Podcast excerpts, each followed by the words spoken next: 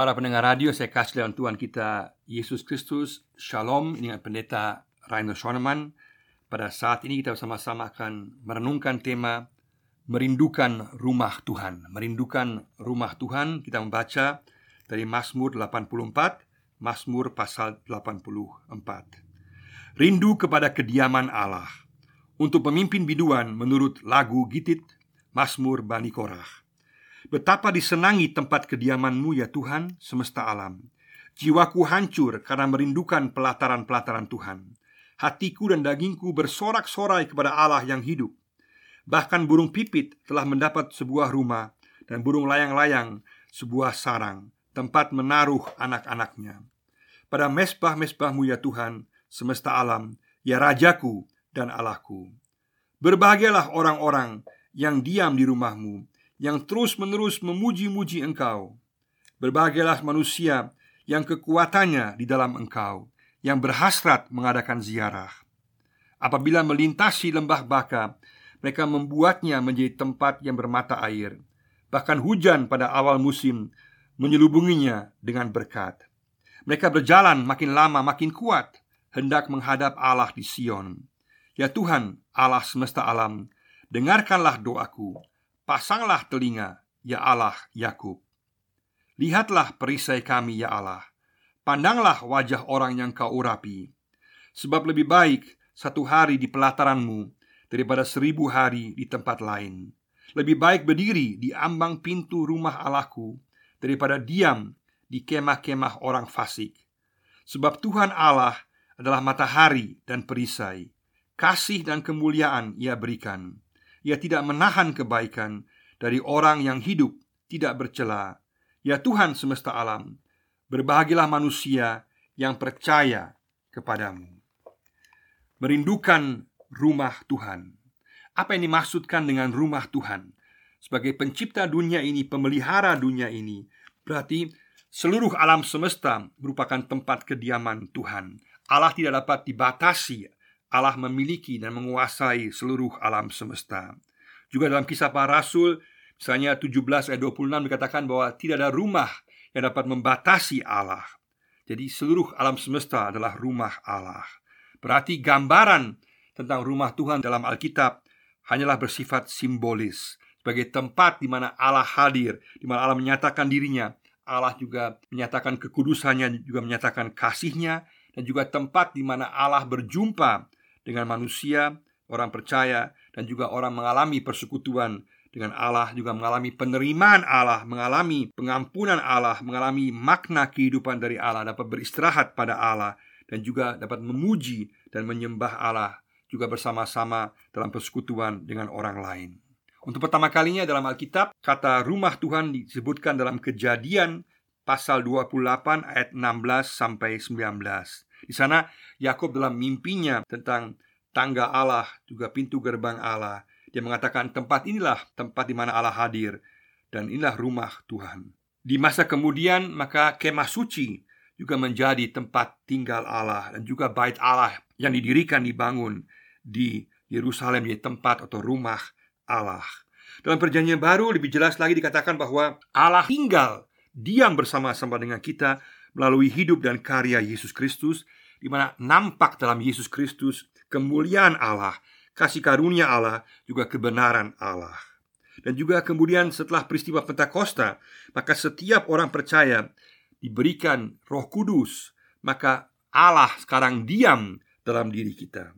Menurut 1 Korintus 3 ayat 16 juga 1 Korintus 6 ayat 19 dikatakan bahwa kita orang percaya yang percaya pada Yesus adalah bait Allah.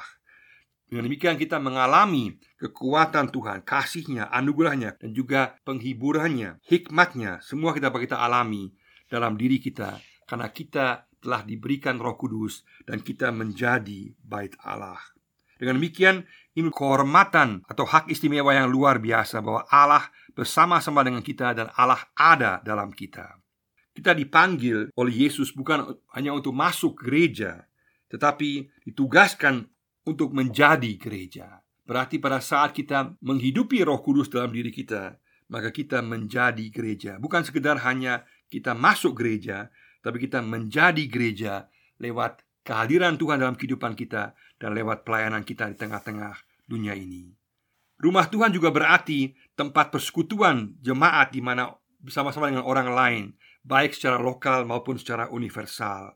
Kitalah bagian daripada persekutuan gereja sedunia, orang-orang percaya sedunia. Dan kita dipanggil karena kita adalah orang-orang yang berharga, yang dicintai oleh Allah. Kita memiliki peran yang penting untuk melayani Tuhan sehingga kita menjadi berkat bagi orang lain. Sehingga rumah Tuhan menjadi tempat di mana kita mengalami penerimaan kasih, pertolongan, doa, juga sukacita dan juga saling menguatkan, saling menghibur dan juga persekutuan menjadi tempat penuh kekuatan juga penghiburan di tengah-tengah kehidupan kita. Meskipun demikian, maka semua gambaran tentang rumah Tuhan ini secara manusiawi, secara lahiriah hanyalah gambaran bagi rumah Tuhan yang sebenarnya, yaitu tempat kemuliaannya di sorga. Telah ini digambarkan dalam Wahyu pasal 4 juga pasal 15. Rumah Tuhan yang sebenarnya yang penuh kemuliaan itulah tempat yang akan kita tuju bersama-sama di mana kita akan mengalami penghiburan Allah yang luar biasa, akan mengalami sukacita, kasih, penerimaan, damai di mana tidak lagi akan ada air mata dan juga penderitaan, juga permasalahan. Kita akan mengalami keselamatan secara penuh. Dan itulah sebuah visi masa depan yang begitu luar biasa indah. Tidak ada harapan yang lebih besar penghiburan yang lebih besar bagi kita manusia, bagi kita orang percaya daripada perkataan Yesus. Dalam rumah Bapakku ada banyak tempat dan di mana aku berada, di situ pun kalian akan berada. Yohanes 14 ayat 2 dan 3. Yesus sendiri yang menyiapkan tempat bagi kita. Sebuah hak istimewa yang luar biasa. Sangat penting bahwa kita terus mempertahankan, memperhatikan tiga aspek ini dalam kehidupan kita. Pertama, bahwa setiap kita adalah bait Allah melalui Roh Kudus. Yang kedua, kita adalah bait Allah dalam persekutuan dengan orang percaya dan itulah bagian daripada gereja universal dan juga jemaat secara lokal. Dan ketiga, kita akan memasuki rumah Tuhan abadi yang kekal yang sejati yang penuh kemuliaan. Latar belakang dari Mazmur ini adalah perjalanan ziarah para peziarah yang menuju ke Yerusalem ke bait Allah dan juga pengalaman yang mereka alami di situ bahwa mereka mengalami sukacita yang luar biasa tapi juga sekaligus pertolongan Tuhan di tengah-tengah berbagai kesulitan yang luar biasa sehingga ada lagu pujian, ada ungkapan iman, ada juga doa di situ. Mereka sungguh-sungguh rindu akan rumah Tuhan, mereka menuju rumah Tuhan dan juga mengalami ketenangan dalam rumah Tuhan. Dan ini juga sekaligus menggambarkan tentang kehidupan kita bahwa ada juga kerinduan dalam diri kita untuk berjumpa dengan Tuhan, bersekutu dengan Tuhan, juga perjalanan untuk menjumpai Tuhan dan juga adanya istirahat ketenangan dalam Tuhan. Ini menggambarkan situasi kehidupan sehari-hari kita, sekaligus juga bahwa ketiga hal ini masih belum kita alami secara sempurna. Karena kerinduan kita dapat juga dihalangi oleh berbagai pengalaman kehidupan sehari-hari. Juga perjalanan kita kepada Allah dapat diganggu oleh berbagai situasi yang sulit, berbagai situasi yang penuh dengan penderitaan dan juga air mata. Kita juga dapat beristirahat pada Tuhan sebagai sumber kehidupan kita, sebagai perlindungan kita. Di pada saat yang sama, kita juga akan mengalami banyak sekali permasalahan tengah-tengah kehidupan dunia ini yang mengganggu kita, mengalihkan perhatian kita, dan juga bahkan mengganggu pikiran kita. Artinya, kerinduan ini dan juga kemudian perjalanan menuju rumah Tuhan dan juga istirahat ini belum dapat kita alami secara sempurna. Kita pasti akan mengalaminya tapi kita tidak dapat mengalaminya secara sempurna. Tapi kita harus terarah ke sana dan yakin bahwa Tuhan akan membawa kita kepada rumahnya yang kekal. Dalam Mazmur 84 ini, Allah digambarkan tiga kali sebagai Allah Yahweh Sebaot. Ayat 2, ayat 4, dan ayat 13. Allah yang perkasa, Allah yang berkuasa, Allah yang hidup. Dan juga kita punya keyakinan, kepastian adalah jaminan karena Allah berkuasa, Allah besar. Sehingga ada juga janji, ada juga berkat yang diberikan kepada mereka. Di sini ada tiga berkat bagi mereka yang tinggal dalam rumah Tuhan yang memuji Tuhan ayat 5, yang mengandalkan kekuatan kuasa Tuhan ayat 6 dan juga percaya kepadanya ayat 13. Artinya semua kita diberkati pada saat kita sungguh-sungguh memuji Dia, kita mengandalkan kekuatannya dan percaya kepadanya. Yang pertama adalah kerinduan akan rumah Tuhan, kerinduan akan rumah Tuhan. Ayat 2 sampai ayat 5. Si pemazmur memulai dengan sebuah gambaran yang sangat indah. Ungkapan cintanya akan rumah Tuhan Kerinduannya akan persekutuan dengan Tuhan. Dia sungguh-sungguh merindukan Tuhan. Allah yang adalah Allah pencipta yang hidup Yang berbeda dengan semua ilah-ilah lain Yang mati, yang tidak berguna. Dia percaya pada Allah pencipta Yang hidup, yang mendengar, yang bertindak yang juga dapat mengalami persekutuan bersama-sama dengannya. Allah sebagai sumber kehidupan yang menciptakan dan juga memelihara segala sesuatu. Ada banyak nama Allah digambarkan di sini. Allah Allah Yahweh Sebaot, juga Allah Yakob, Raja, juga Allah yang hidup, juga matahari, juga perisai. Dan semua gambaran ini menggambarkan kekayaan daripada pengalaman si pemazmur. Dia begitu rindu berjumpa dengan Tuhan. Dia rindu untuk dapat mengalami persekutuan dengan Tuhan. Dia ingin memuji Tuhan dan ingin membesarkan nama Tuhan. Ada dua alasan yang dia berikan. Karena dia merasakan sukacita, karena merasakan dilindungi oleh Tuhan dan juga merasakan pengampunan Tuhan. Dua gambaran pelindungan Tuhan secara lahiriah dan juga secara batiniah ada kepastian pengampunan dosa yang ada oleh karena gambaran di sini gambar mesbah yang merupakan jaminan daripada pengampunan dosa. Sehingga seperti gambaran seperti burung layang-layang burung pipit yang menemukan tempat tinggal pelindungan di bait Allah, maka dia pun juga mengalami perlindungan pada Tuhan. Dan juga di mesbah Tuhan, dia mengalami pengampunan dosa. Bagi kita pada masa sekarang, Yesuslah, salib Yesuslah adalah garansi, jaminan, kepastian daripada pengampunan Allah.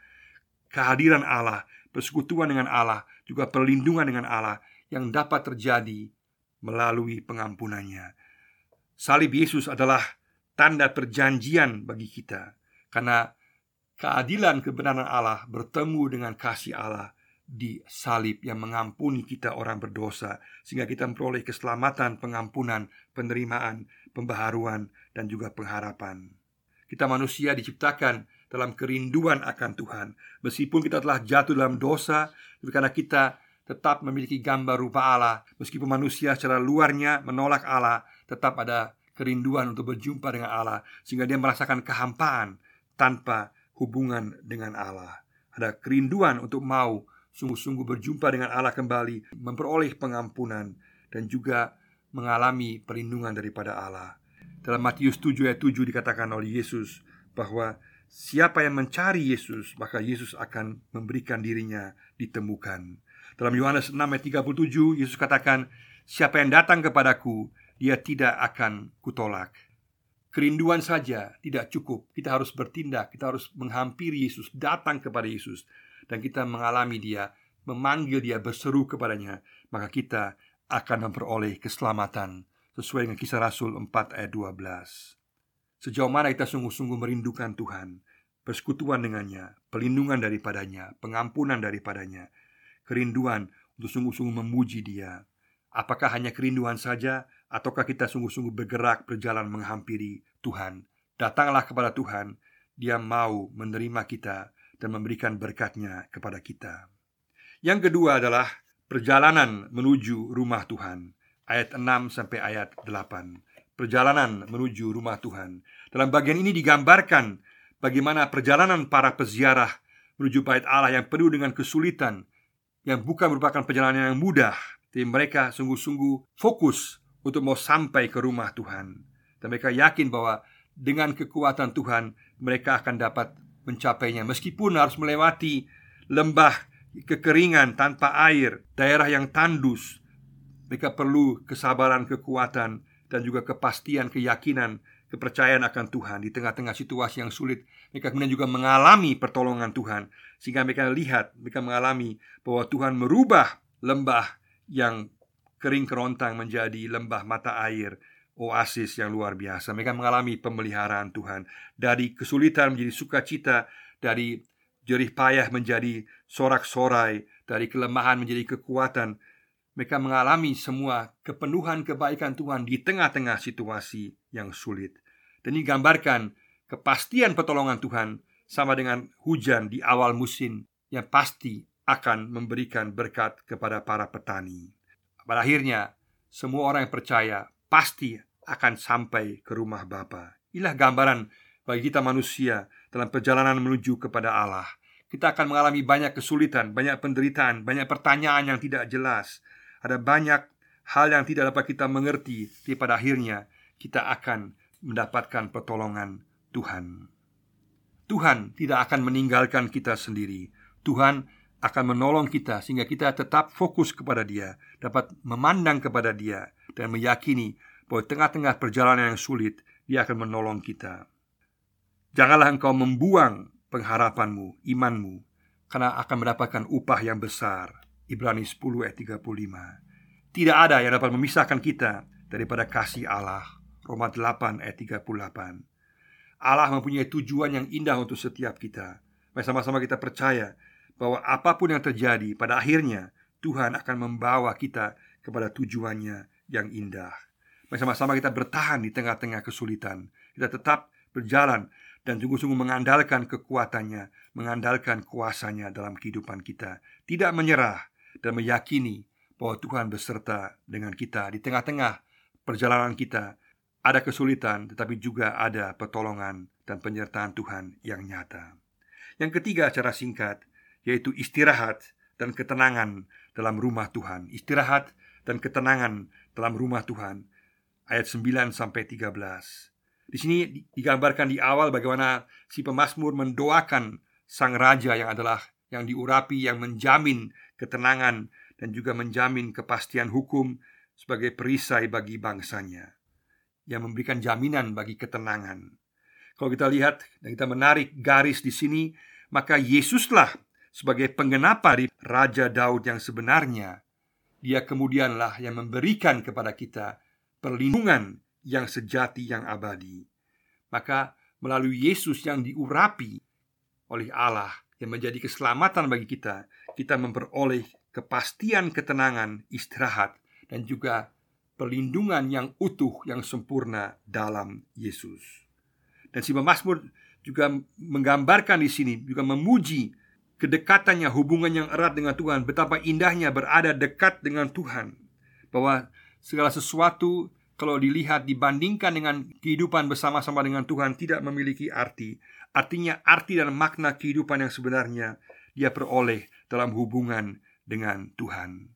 Mari sama-sama kita dekat kepada Tuhan, maka kita dapat sungguh-sungguh mengkoreksi segala pola pandang hidup kita, fokus kita, sehingga banyak hal yang penting yang indah dalam kehidupan kita tapi pada saat kita berhubungan dengan Allah, bersekutu dengan Allah, maka banyak hal akan menjadi lebih jelas apa yang penting, apa yang berguna, apa yang bermakna karena arti kehidupan yang sebenarnya kita peroleh dalam kehidupan bersama-sama dengan Tuhan.